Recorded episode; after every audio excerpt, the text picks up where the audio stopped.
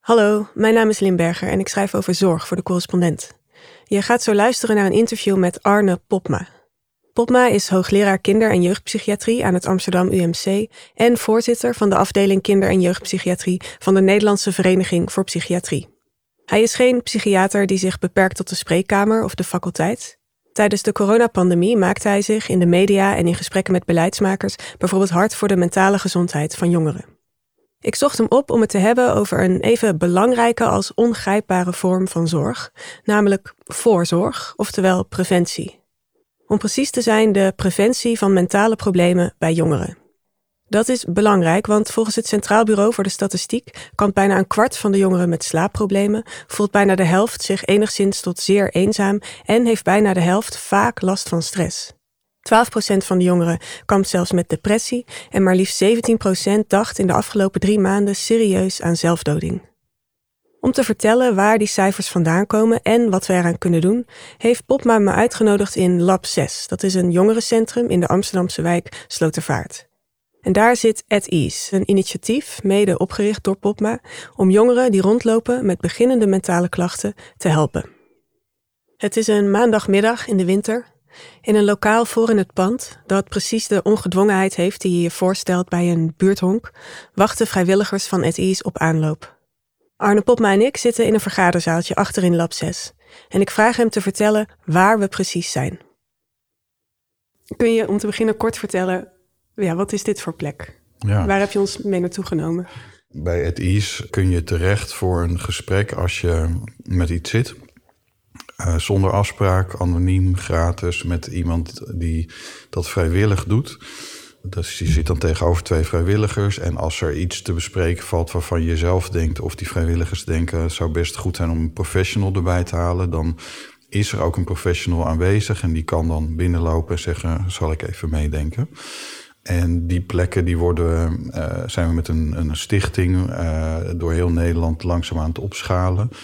Dat hele idee komt voort uit, uh, zullen we gewoon eens aan jongeren zelf vragen waarom het zo lang duurt voordat ze met klachten naar iemand toe gaan. waarom ze psychiaters eng vinden, waarom ze de GGZ ondoordringbaar vinden, waarom ze de informatie en alle initiatieven die toch allemaal er zijn in Nederland, toch uh, voor een groot deel niet daar vinden wat ze eigenlijk zoeken. En het antwoord wat daarop kwam van al die jongeren, dat was ongeveer zoiets als dit. Uh, ik wil graag uh, dat ik ergens gewoon naar binnen kan lopen en dat ik met iemand praat. En die dan ook nog eens een keer vooral luistert. Nou, en dat is voor mijzelf als psychiater was dat misschien wel de meest um, nou zou ik het zeggen, de, ja, een beetje kwetsende dingen eigenlijk om te realiseren dat je denkt toch opgeleid te zijn om heel goed te kunnen luisteren en dan allerlei dingen, als je het op die manier met elkaar gaat bespreken met jongeren, terug hoort en zegt, nou, misschien heb je wel gelijk, misschien zit ik ook al in ieder geval in het eerste gesprek te veel in mijn hoofd van wat is er aan de hand met dit kind? Uh, hoe kan ik dit klassificeren? Hoe kan ik dit diagnosticeren? In plaats van eerst maar eens gewoon even echt contact te maken en te luisteren. Dus ik heb er eigenlijk heel veel voor geleerd, meer in die zin van wat kan, kan ik nog doen om het eerste contact goed te krijgen? En voor sommige, moet ik er ook bij zeggen, voor sommige mensen is de GGZ en mijn spreekkamer daar ook een prima plek. En die vinden het wel prettig om via de huisarts uh, rustig uh, daarheen te komen. Dus dat is, daar is helemaal niks mis mee. Alleen we redden het daar gewoon niet mee. Het is niet genoeg. Dat is niet genoeg, want waarom zijn die cijfers zo schrikbarend? Waarom gaat het eigenlijk zo slecht met, met veel jongeren? Ja, dat is een vraag die eh, heel veel mensen bezighoudt, mij ook. Ja, het, het, eerlijke antwoord daarop is natuurlijk dat we dat niet helemaal precies weten, maar dat we wel wat uh, ideeën erover hebben. En het eerste daarvoor is dat inderdaad, uh, je begon net al over die COVID-pandemie. Dat is een tijd geweest waarin vooral jonge mensen de verbinding met elkaar uh, verloren. Zoals we dat allemaal wel deels hebben ervaren. En vooral jonge mensen bleken daar extra last van te hebben toen is er weliswaar veel meer aandacht voor gekomen. En ik denk dat er meer bewustzijn gegroeid is in de maatschappij van hé, hey, er is daar iets aan de hand. Maar eigenlijk heeft het wel een lichtje geschenen op iets wat er aan de hand was. Want ook voor COVID zagen we al de cijfers vooral over angst en somberheid bij met name tieners. En dan weer iets meer bij 16, 17-jarige meisjes. toenemen. En daar is veel onderzoek naar gedaan. Ehm, en dat lijkt een soort combinatie te zijn van aan de ene kant het ervaren van veel ehm, prestatiedruk. En ook veel druk vanuit social media en andere jongeren om aan een bepaald beeld te voldoen wat we elkaar opleggen. En wat jongeren elkaar dus ook deels opleggen. Veel mensen denken dat er ook meespeelt dat we in een maatschappij uh, leven waarin je zelf verantwoordelijk bent voor je succes, of in ieder geval dat beeld bestaat. En als je dus even een keer niet zoveel succes hebt, dan ben je blijkbaar aan het falen en dan ben je het aan het uh, ja, verprutsen. En dan hebben we niet zo heel veel gezamenlijk narratief op hoe je dan wel met elkaar wat steun kan vragen. Of misschien ook een keer met elkaar kan zeggen: ja, je hebt ook soms pech in het leven. En er zijn ook wel veel mensen die denken dat het uh, ook iets te maken heeft met dat we misschien het omgaan met tegenslagen. Uh, ook niet zoveel om ons heen zien hoe je dat eigenlijk doet. Dus de vele verhalen die je hoort zijn toch vooral... nou, moet je eens kijken hoe goed het allemaal gaat.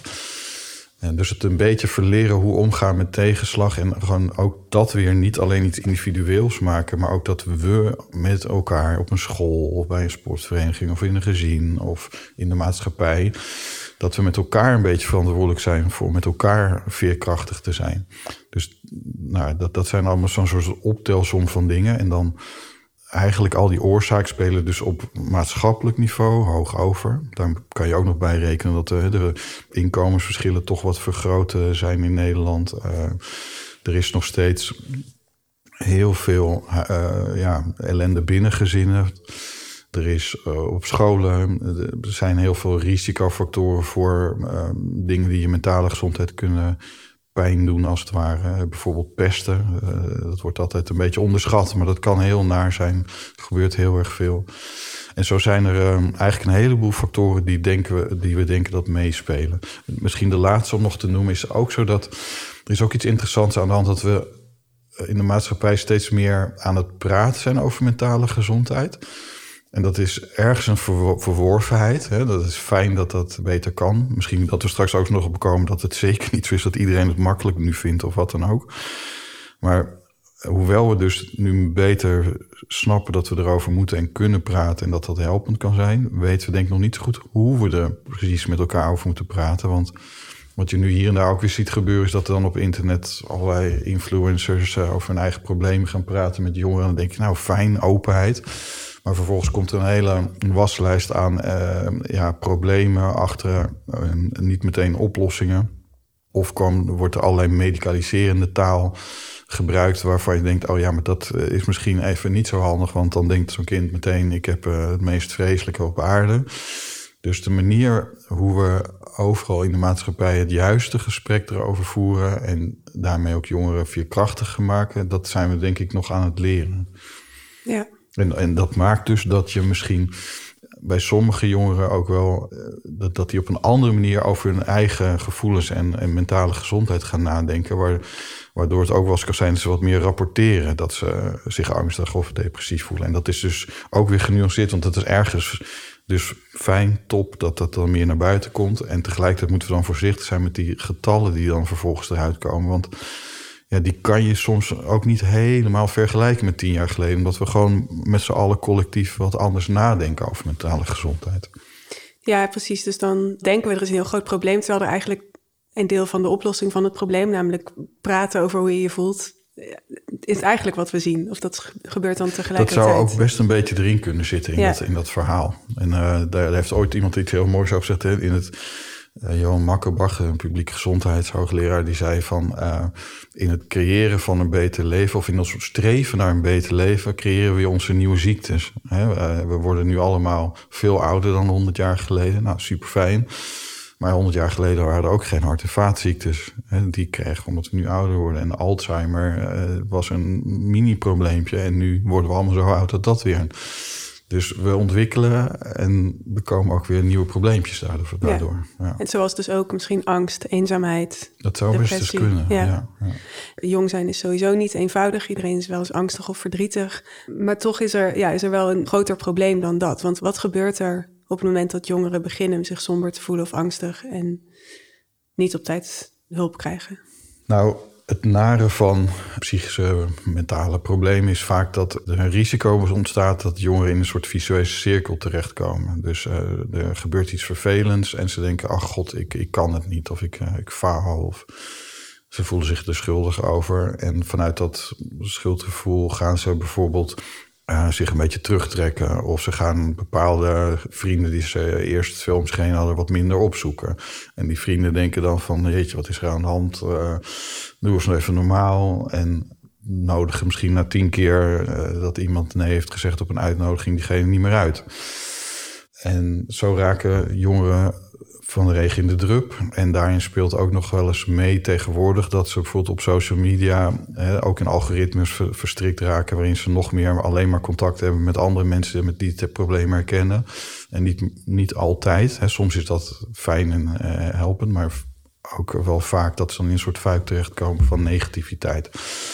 En ja, waarom is dat ernstig en, en vervelend? Omdat um, ten eerste is het gewoon naar om je naar te voelen. En ten tweede is het, uh, juist bij jonge mensen ben je altijd in ontwikkeling. Dus stilstand is eigenlijk achteruitgang in je jeugd. Hè? Misschien wel in het hele leven. En als je gaat stilstaan in je ontwikkeling, of minder ontwikkeld zoals je zou kunnen ontwikkelen, nou, dan ga je bijvoorbeeld op school het minder doen.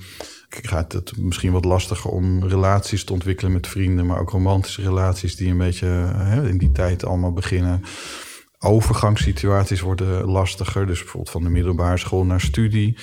Er zijn dus allerlei, uh, wat we noemen, ontwikkelingstaken... die eigenlijk gewoon op je bord liggen als, als jongeren. Die allemaal eh, wat lastiger kunnen worden. En je kan je voorstellen als, er, als je in zo'n negatieve spiraal terechtkomt... dat dan allerlei dingen die je eigenlijk uh, moet ontwikkelen... niet op tijd rondkrijgt. En daardoor bijvoorbeeld de rest van je leven eigenlijk heel veel schade kan ondervinden. Dus het werkt heel lang door. Als je mentale problemen vergelijkt met alle andere gezondheidsproblemen, eh, is dit echt het gezondheidsprobleem van jonge mensen. En we hadden net uh, Alzheimer, neurologische ziekte, is echt latere leeftijd. Dus de ziektelast, zoals we dat noemen, hoe dat doorwerkt in allerlei kosten en narigheid in je leven, die vindt daar pas plaats. Of hart- en vaatziekte rond de vijftigste. Dus dat tweede helft van je leven dat je daarmee gaat zitten en dat het de maatschappij ook kost en dingen kost. Maar mentale problemen, daarvan ontstaat 50% voor het 14e jaar, driekwart uh, voor het 25e jaar. Nou, en als je dan doorkijkt hoe dat doorwerkt in een leven, of potentieel als je er hè, niet uitkomt, dan heeft dat dus enorme effecten. Ja, dus dat zou je zo eigenlijk tot een minimum willen beperken als samenleving. Ja. En dat is dan waar als het gaat over mentale gezondheid van jongeren, er is nu ook vanuit de politiek veel aandacht voor. En dan gaat het aan de ene kant over wachtlijsten in de GGZ waar we iets aan moeten doen. Maar aan de andere kant gaat het ook over preventie. Dus we moeten voorkomen dat jongeren uh, last krijgen van mentale problemen of dat ze in zo'n spiraal uh, raken. Ja, dat, dat klinkt heel, heel makkelijk, maar als je gaat nadenken over hoe voorkom je dat dan, dan vind ik het dan een stuk lastiger. Ja, ik ook. Ja, ik, nou, wat ik altijd wel schrappend zeg, kijk, de longartsen hebben het maar makkelijk of zo, weet je wel. Als je longkanker wil voorkomen, moet je gewoon zorgen dat er geen sigaretten worden verkocht. Ben je een heel eind. En uh, een collega van mij zei op een goed moment van... ja, de peuk van de psychiatrie... die liggen door de hele maatschappij verspreid, als het ware. Ja, waar moeten we beginnen? Er zijn heel veel kleine probleempjes die je allemaal moet oplossen. En daar ja, wij met een heleboel mensen om, ons heen denken dus dat dat de enige manier is om echt een slag te maken. Dus eigenlijk al die verschillende kleine effectjes die er zijn op verschillende lagen van de maatschappij, heel vaak collectief, soms individueel. Daar zou je allemaal iets aan kunnen doen. En, uh, en wat ik zelf een hele mooie metafoor vind, of een mooi voorbeeld uit het verleden, is dat uh, 150 jaar geleden was, was hygiëne of eigenlijk infectieziektes waren ons grote gezondheidszorgprobleem. En dat hebben we niet opgelost door nog meer dokters of nog meer medicatie, maar door uh, timmermannen en loodgieters uh, aan het werk te zetten en riolering, schoon water uh, aan te leggen. En dat vinden we nu vanzelfsprekend. Ik bedoel, gelukkig gaat de medische wetenschap ook door. We maken mooie vaccins tegen allerlei dingen. Dus dat blijft ook belangrijk. Maar wij zeggen wel eens van, we hebben eigenlijk de riolering van de 21ste eeuw voor de mentale gezondheid moeten ontwikkelen. En dat is dus een heleboel buisjes, een heleboel slangetjes en een heleboel toiletpotjes, bij wijze van spreken. En uh, nou, die, daar is ook trouwens wel heel veel onderzoek al mooi op bezig. Hè? Dus uh, je kunt preventie. Eigenlijk begint het nog bij iets voor preventie, dat noemen we gezondheidsbevordering. En dat je kan dus ook mentale gezondheidsbevordering. En dat gaat bijvoorbeeld over dat je kan leren eh, dat het goed gezond is om te sporten op school. Uh, maar je kan ook leren op scholen hoe je kan omgaan met tegenslag. Dat, daar zijn hele mooie lesprogramma's voor, die zijn ook effectief. En die zou je dus allemaal kunnen implementeren. En dat gaat eigenlijk meer over een soort van mentale fitheid of zo. Net zoals dat je bij fysieke gezondheid kan zeggen het is handig om een beetje te sporten.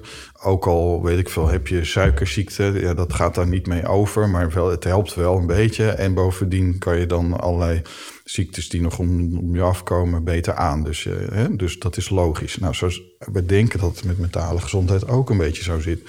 Dus sowieso goed om in het algemeen mentaal fit te zijn. En vervolgens is het ook belangrijk, of kan je ook allerlei dingen inzetten om mentale ziekte of grote mentale problemen. Daar, we hebben ook nog iets, heel iets op te lossen in de taal die we gebruiken met uh, mentale problemen, om die te voorkomen. En dan kan je dus, ja, dat wordt dan weer opgedeeld in verschillende dingen, universeel of uh, selectief of geïndiceerd. En, en universeel is dan ook weer ja, dat kan je ook, ook weer op alle scholen doen. Bijvoorbeeld gewoon, hoe praat ik over een mentaal probleem? En we zeggen nu al van, we kunnen het wat beter zo langzamerhand... of er is meer aandacht voor. Maar het blijft heel lastig. Over, hoe, begin ik daar eigenlijk over? Of wat ze noemen mental health literacy. Dus eigenlijk gewoon snappen, hoe werkt het eigenlijk met emoties en met angst? Eh, hoe werkt het in mijn hoofd? Mijn, mijn zoontje heeft, heeft schooltv. Uh, en daar, daar, daar zit Read Chill met Aquasi. Ik weet niet of je dat ooit voorbij hebt zien komen. Het is echt briljant, vind ik. Hè? Dat, dan, dan, dan, die legt gewoon heel leuk uit wat pieker eigenlijk is in je hoofd. En wat er dan gebeurt en hoe je gedachten in een soort rotonde gaan. En dan laat ze kinderen vertellen hoe voelt dat in je lichaam. En dan, dan zie je een paar grappige gezichten van kinderen helemaal verkrampt kijken. En dan denk ik, oh ja, dat, zo voelt dat dat zijn de manieren waarop je dus eigenlijk kennis die de uh, misschien, um, want daar, hebben we het ook altijd over, hoe breng je kennis nou op de plekken in de leefwereld van echte mensen. Zo dus bijvoorbeeld gewoon op school tv dit soort dingen uitleggen. Ik heb het nooit geleerd op school. Ik, heb echt, echt, eh, ik kan me niet herinneren dat we het ooit over iets ingewikkelds qua gevoel of gedrag of gedachten hebben gehad op school. Ik, zie jullie ook nee, nee schudden. Dus ja, dat, dat, uh, dat is toch eigenlijk heel gek. Ja, waarom eigenlijk niet? Ja, het eerlijke antwoord is dat ik het niet goed weet. Ik vind het zo raar. Nou, misschien eh, mensen vinden het lastig. Nou, als we het tot, tot school beperken, want wij zijn daar ook veel mee bezig. Hoort het bij de kerntaken van het onderwijs om dit te doen? Ja, daar kan je over twisten. Ja, ik denk het wel. Maar uh, nou, past het nog tussen al het werk wat de leerkrachten al moeten doen? Ik denk het wel, als je het inpast in wat we toch al doen. Snap je? Het hoeft niet iets heel nieuws te zijn. Je kunt het vervlechten in wat er toch al gebeurt, denk ik zelf.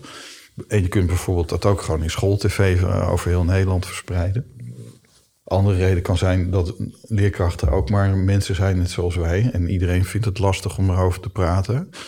En het is ook wel moeilijk, hè, want we hebben passend onderwijs ingericht. Dus leerkrachten zitten met 30 uh, kinderen in een klas. En daar, ja, dat kan zomaar een hele variatie aan mentale problemen in je klas zitten. Nou, dat, dat is ook best wel een, eh, een, een, lastig. Alleen, ja, ik denk dat het antwoord daarop is: je hoeft het ook niet allemaal op te lossen voor die, al die kinderen. Dat helemaal geen probleem. Het helpt al als je gewoon in die klas met elkaar bespreekt hoe werkt dat gemiddeld ongeveer. Wat zijn de variaties? Het is ook goed als kinderen leren dat er variatie is en hoe ze omgaan met dingen. Dat zijn allemaal helpende dingen. En dan hoef je helemaal niet de hulpverlener te zijn voor al die kinderen. Dus, dus als we het hebben over die, die, die regulering of dat netwerk aan interventietjes. Als iedereen kleine, behapbare dingetjes doet, dan gaan we met z'n allen een massa maken. Dus niet iedereen hoeft meteen alles te doen. En dan komt het ook uiteindelijk niet allemaal op het bordje van de GGZ. Dat is eigenlijk ook wat je zegt. Ja. Preventie is niet een taak van zorgprofessionals. Nee, hoewel ik dat dus ook een heel uitdagende dilemma vind. Omdat, nee, ik vind zeker dat dit niet de taak van de GGZ is. Maar ik vind het wel een taak voor de GGZ om onderdeel te zijn van, nou ja, dat collectief of zo, waarmee we dit aanpakken. En dat kan zijn door uh, dat er in de GGZ bepaalde kennis ontwikkeld wordt, die je als het ware kan inpluggen in iets wat iemand in het normale leven mee kan nemen.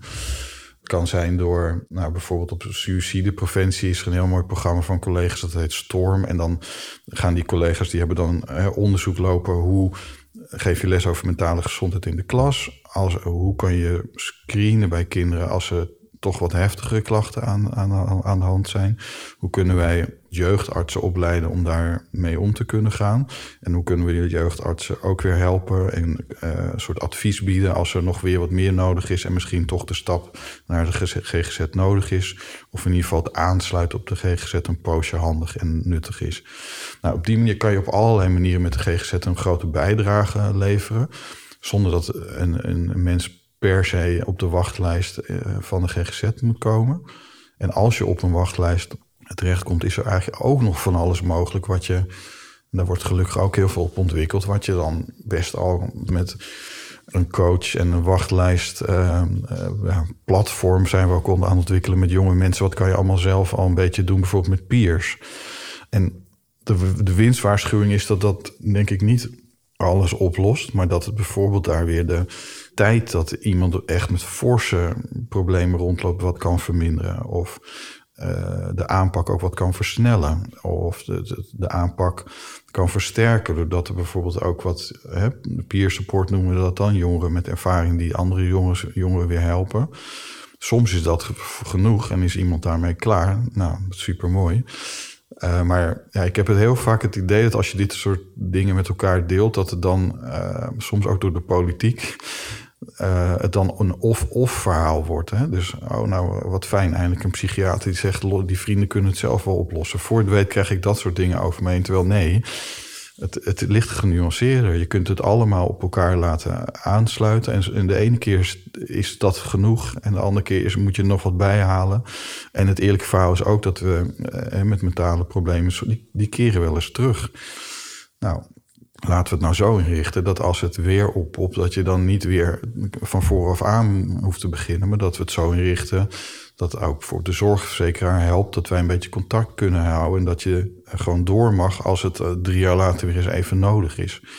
Dus eh, ja, het is eigenlijk een veel slimmer verknoopt systeem wat we zouden kunnen inrichten als we de ontwikkeling van kinderen en jongeren en wat ze op welk moment waar nodig hebben, voorop zouden stellen. Maar en, zo hebben we het helemaal niet ingericht. Dus dat, dat, dat maakt dat het een beetje disruptief is als je het zo gaat aanpakken. Dat betekent ook dat er bepaalde belangen van instituties, uh, van instellingen, die waar trouwens alle respect daarvoor. Want uh, ja, als je een grote instelling bent en je hebt uh, duizend medewerkers, dan is het ook belangrijk dat je daar een beetje zorgvuldig mee omgaat en dat niet te grabbel gooit.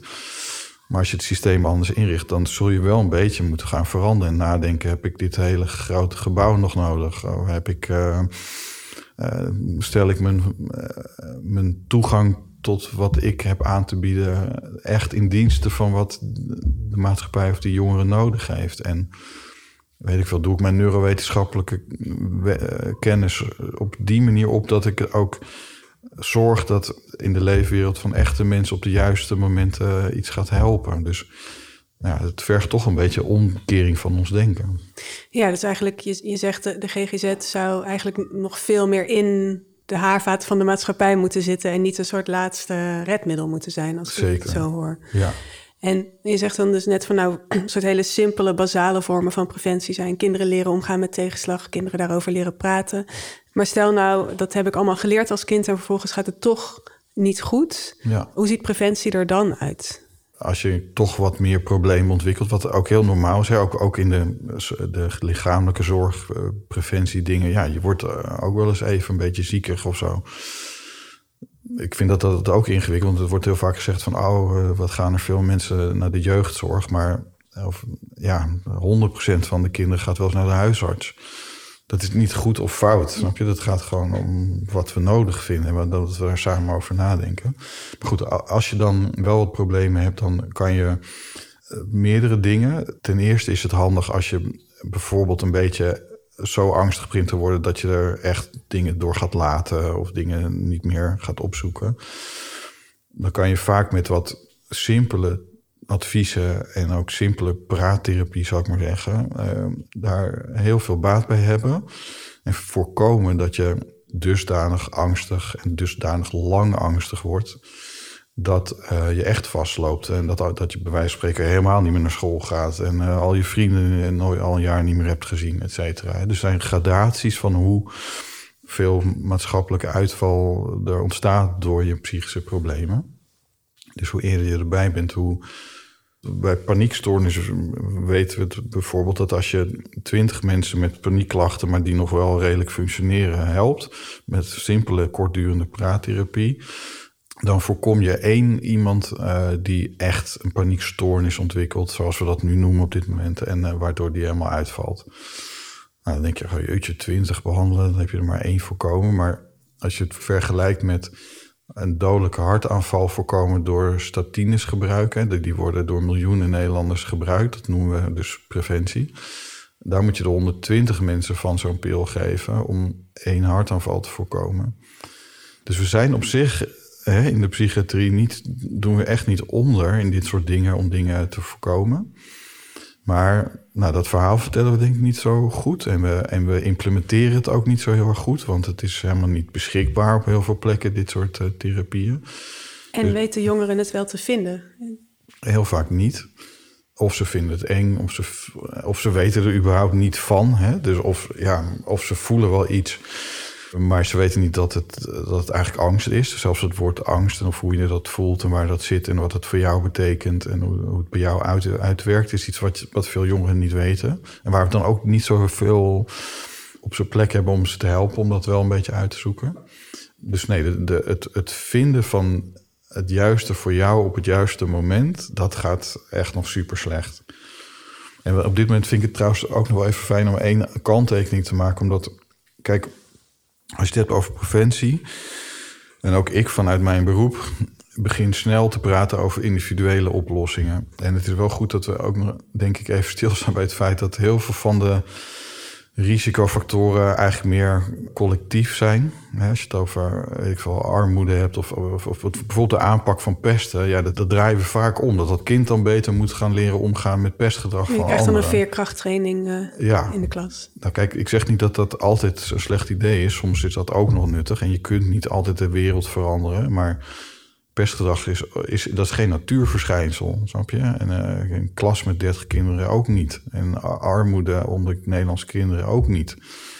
Dus dat zijn allemaal dingen die je op collectief niveau eigenlijk gewoon zou moeten aanpakken. En, en, nou, dat is denk ik ook een zoek, zoektocht voor ons. Hoe kunnen wij als vak, wat inherent eigenlijk een, een medisch vak is en dus snel in de individuele oplossing schiet, hoe kunnen we dat en waardevol maken en verdedigen, maar ook pleitbezorgd zijn voor die collectieve oplossingen. En, en nou, die balans zijn we volgens mij heel erg aan het zoeken op dit moment in ons vakgebied. Van, van mogen wij ons aan de ene kant sterk maken voor die, uh, de patiënten of de mensen die echt in een echt diepe psychische ellende zitten en die gewoon hele goede zorg nodig hebben.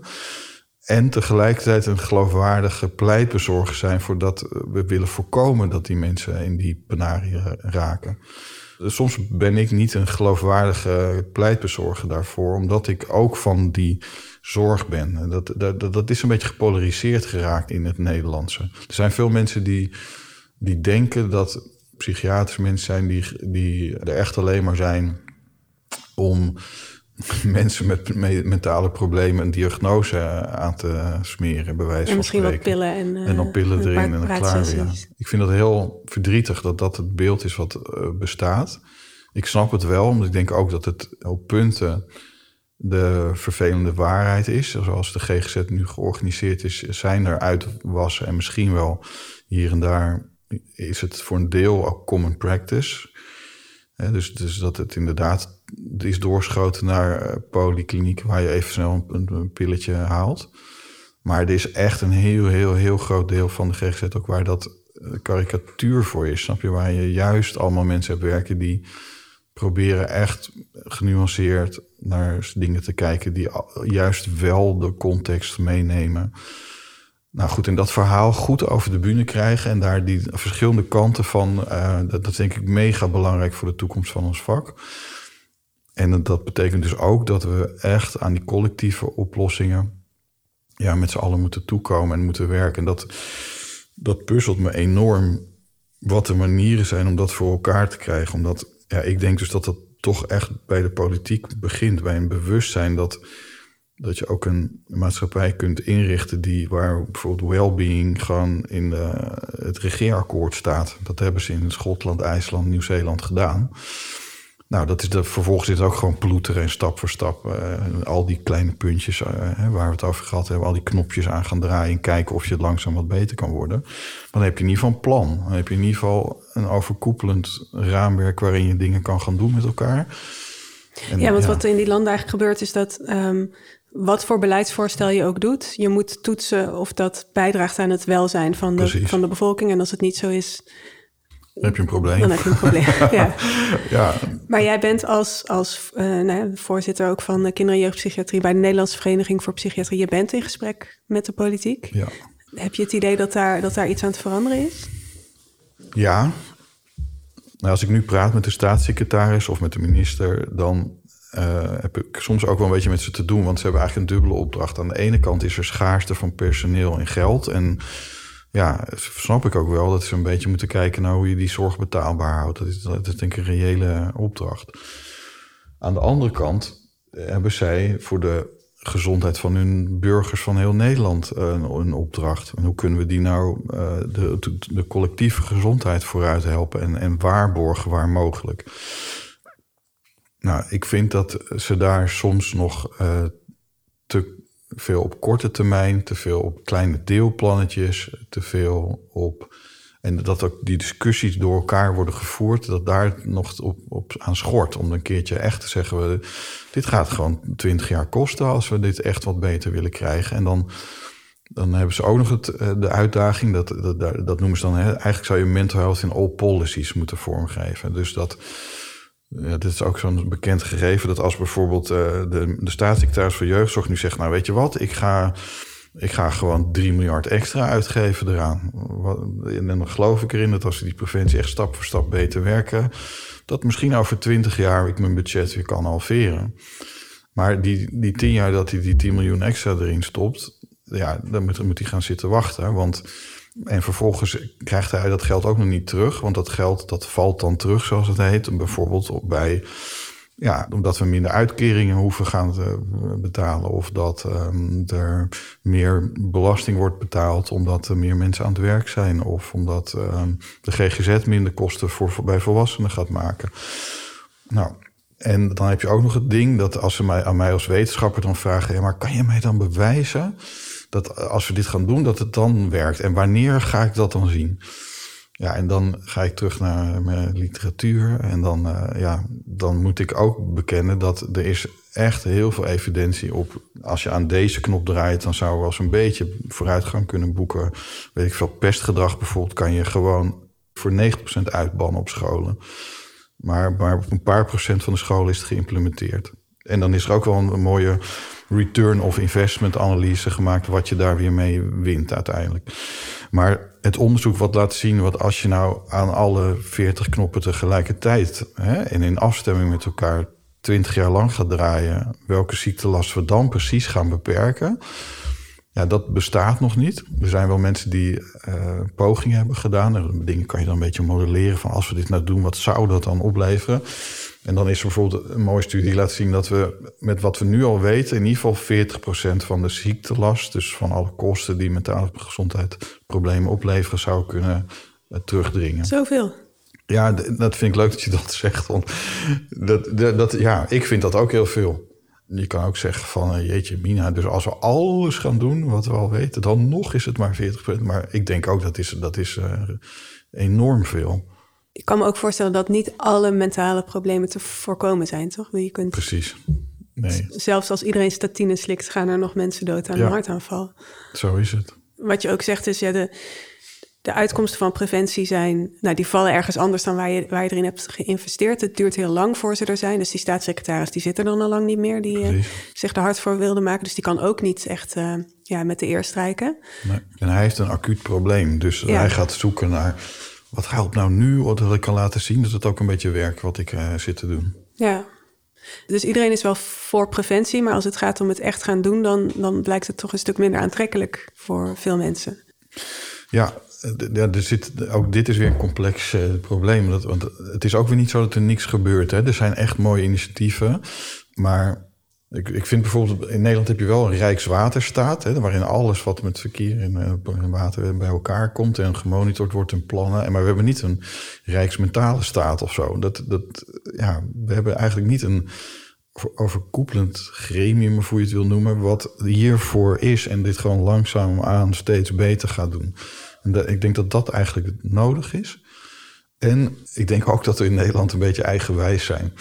En dat is eigenlijk heel erg leuk, maar dat betekent dus ook dat ja, het, vergt heel veel collectiviteit, solidariteit, elkaar iets gunnen. Ook van de mensen die hier aan werken. Als ik heel eerlijk ben, ik herken het ook, snap je? Dus dan, dan doe je zelf iets van, vind ik, nou, dit is leuk en goed. En dan komt een, half jaar later een collega met een idee wat net iets anders is. En dan is soms eerst de reactie van, hé verdorie... Uh, dat was mijn idee. Ja, was mijn idee. Of dat, dat, we doen toch al iets, of wat dan ook. Dat is een hele menselijke reactie. Alleen hij blokkeert heel veel van dit soort bewegingen in gang krijgen. En eh, ja, ik heb daar ook niet het antwoord op, maar wij zijn bijvoorbeeld met een groep collega's de beweging van nul gestart. En, eh, en dat gaat alleen maar hierover. Wat zou je nou als grote doelen willen stellen? Weet ik wel, gewoon geen kindermishandeling meer in Nederland. Nou, wat zou je daar allemaal voor kunnen doen? Welke knop kan je allemaal draaien? Maar ons gesprek gaat er eigenlijk alleen maar over...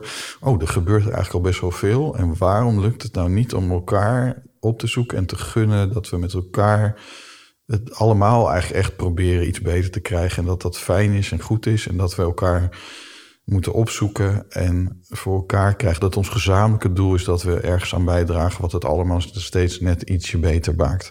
En dan maakt het niet zo heel veel uit dat jij het net even iets anders noemt... of iets anders ziet. Of, hè? Dus ja, volgens mij is dat nog een mechanisme waar we eigenlijk het niet zoveel over hebben, maar wat, wat in mijn ervaring enorm remt in vooruitgang. Dus eigenlijk dat, um, dat individualisme, dat ook deels ten grondslag ligt aan de mentale problemen van jongeren, dat speelt dan ook de mensen die het willen oplossen parten. Ik denk dat dat zo is. ja. ja. Ik wil nog even terug naar, want eh, je, je, zei net van ik wil wel even zeggen dat er ook al heel veel wel, wel gebeurt. Maar daarvoor hadden we het nog over uh, op het moment dat jongeren dan toch een beetje nou, ergens last van beginnen te krijgen. En ze herkennen het soms niet meteen. Ja. Um, ja, dan duurt het vaak lang voor ze hulp vinden of ze vinden hulp, maar dan staan ze op een wachtlijst. Ja. En volgens mij is at ease, dus een plek die bedoeld is om, om in dat stadium er te zijn uh, voor mensen. Toch kun je, ja, kun je iets vertellen over hoe, hoe dit is ja. ontstaan en hoe dit ook een vorm van preventie probeert te zijn? Ja. Ja, nou, eh, dus het IS is ook weer een voorbeeld. Hè? Dus er zijn een heel aantal andere collega's. Uh, Tres van Amersfoort, Rianne Klaas, uh, heel veel lieve, goede mensen begonnen. En, en eigenlijk is het een Australisch idee. Uh, uh, daar is een Pat McGorry, dit is een fantastische vent, ooit hiermee begonnen en gaan ploeteren met eigenlijk dat vraagstuk: waarom duurt het nou zo lang voordat jongeren bij een hulpverlener zitten die iets kan helpen? In Australië hebben ze onderzoek gedaan, dat duurt het gemiddeld zeven jaar. Nou, dat, je kan je voorstellen dat er in die zeven jaar allemaal schade ontstaat en uh, ernstige problematiek, et cetera. En wat hier eigenlijk gebeurt is dus ja, de, de mechanismen, denken we, die eronder zitten als je gewoon wel een gesprek aangaat en een jongere leert: hey, ik, ik, kan hier kennelijk wel over praten. Dat er een ervaring ontstaat van: hey, ik ben niet de enige. Twee, er zijn mensen die bereid zijn om met mij erover te praten. Drie, er kan met mij gezocht worden naar wat ik nodig heb om daar iets verder in te komen. En dat betekent eigenlijk dat je een soort eerste stap, eerste verbinding hebt gemaakt naar ten eerste wat normaliseren van dingen die normaal bij het normale leven horen.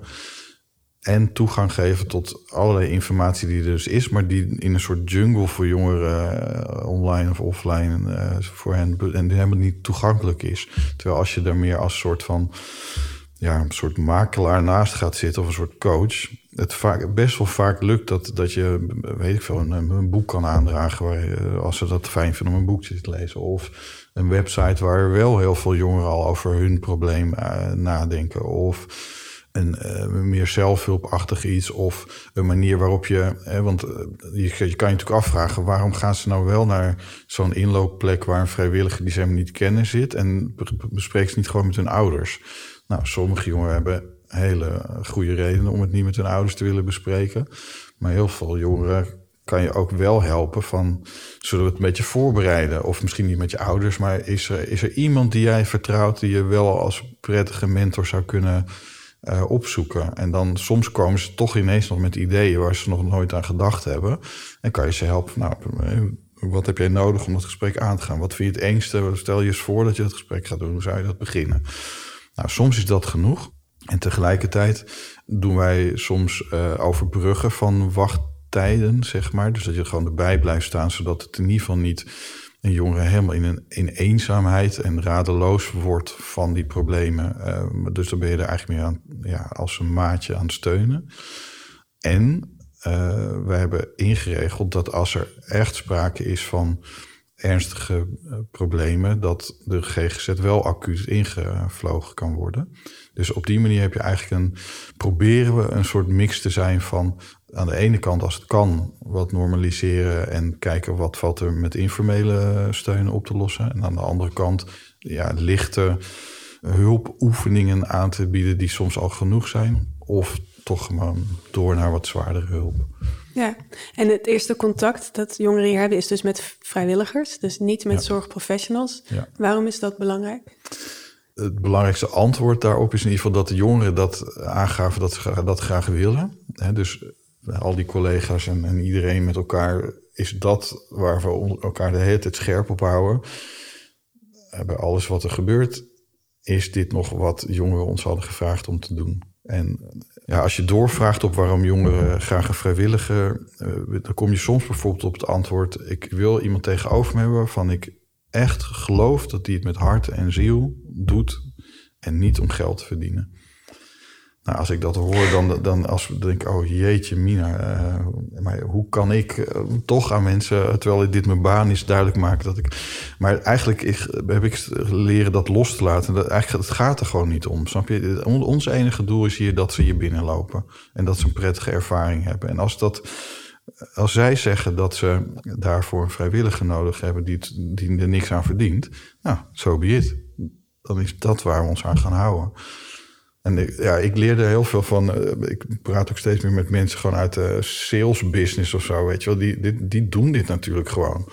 Maar het eh, zou maar worst wezen wat jij als klant prettig vindt. Als jij dat prettig vindt, nou, dan doen we dat toch zo, want dan gaan we meer spulletjes verkopen. Nou, hoe kunnen we dat denken toepassen op uh, zorg geven. Volgens mij is dat een heel belangrijke zoektocht om dat uit te zoeken. En nou ja, ik zeg het ook trouwens niet dat het hier allemaal lukt, want dat is ook eerlijk verhaal voor heel veel jongeren. Is dit nog helemaal niet de plek waar ze zomaar binnenlopen? En het vergt dus ook constant weer doorploeteren van oh, wie bereiken we nu, wel, uh, wie nog niet, wat betekent dat? Nou, dan zou eigenlijk misschien een bepaalde groep jongeren eh, die we nu niet zien, ze moeten opzoeken en hun vragen, wat hebben jullie nodig? En misschien uh, blijkt dan dat het antwoord helemaal niet een inloopplek is, maar een uh, voetbalteam met een psycholoog erin of zo. Ik weet het niet, maar dat is het leuke en ook wel het lastige van zo'n heel traject. Dat je dus eigenlijk de hele tijd moet blijven leren en ook openstaan voor kritiek. Of, en, moet, en blinde vlekken moet blijven benoemen en zien met elkaar. Maar goed, die vrijwilliger, dat is dus gewoon op verzoek van die jongeren. Ja.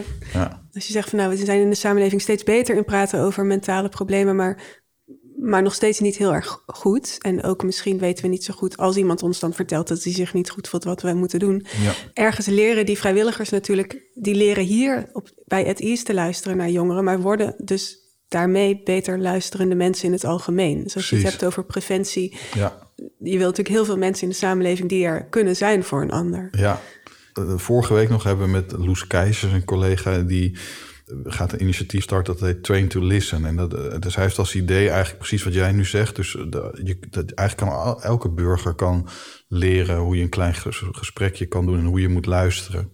En uh, je zou zelfs kunnen denken aan dat iedereen dan een weet van speltje of een van de iets weet. I'm trained to listen.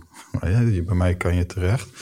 Ja, ik, ik vind dat een heel goed idee, omdat ik denk dat het het, klinkt misschien een beetje overdreven. Waarom moet je dat nou weer gaan trainen? Waarom moet je dat nou weer gaan ook nog laten zien dat, dat, dat jij daarvan bent? Maar ja, ik denk dat de realiteit van alle dag ons erop wijst dat dat nog nodig is. Want eh, ja, de hoeveelheid kinderen, jongeren die ik spreek, die echt gewoon komen met dit verhaal. Ik loop er al drie jaar mee rond. Ja, ik weet ook niet precies waarom ik het nooit heb durven delen met iemand, maar het is wel zo. Of ja, de jongeren die in een gezin zitten, eh, ook in gezinnen waar alles trouwens helemaal fijn is, eh, gebeurt dit. En in gezinnen waar het helemaal niet fijn is, kan je ook voorstellen dat het dan heel lekker is als je ergens staat en weet ik veel, op de, op de voetbalclub en je ziet dat jouw voetbalcoach zo'n speltje om heeft. En dat je denkt, oh, dat blijkbaar is dat iemand bij wie ik terecht kan. Nou, ook hier weer. Wij, we hebben geloof ik in Nederland eh, op elke hoek hebben zo'n defibrillator hangen. En, uh, en ik geloof dat we, nou ik weet niet precies de getallen, maar heel veel mensen hebben intussen zo'n cursus van reanimatie. Nou, waarom doen we dat niet gewoon voor mentale gezondheid? En ik ben het helemaal met je eens, dat, dat, dat, dat is iets wat iedereen kan.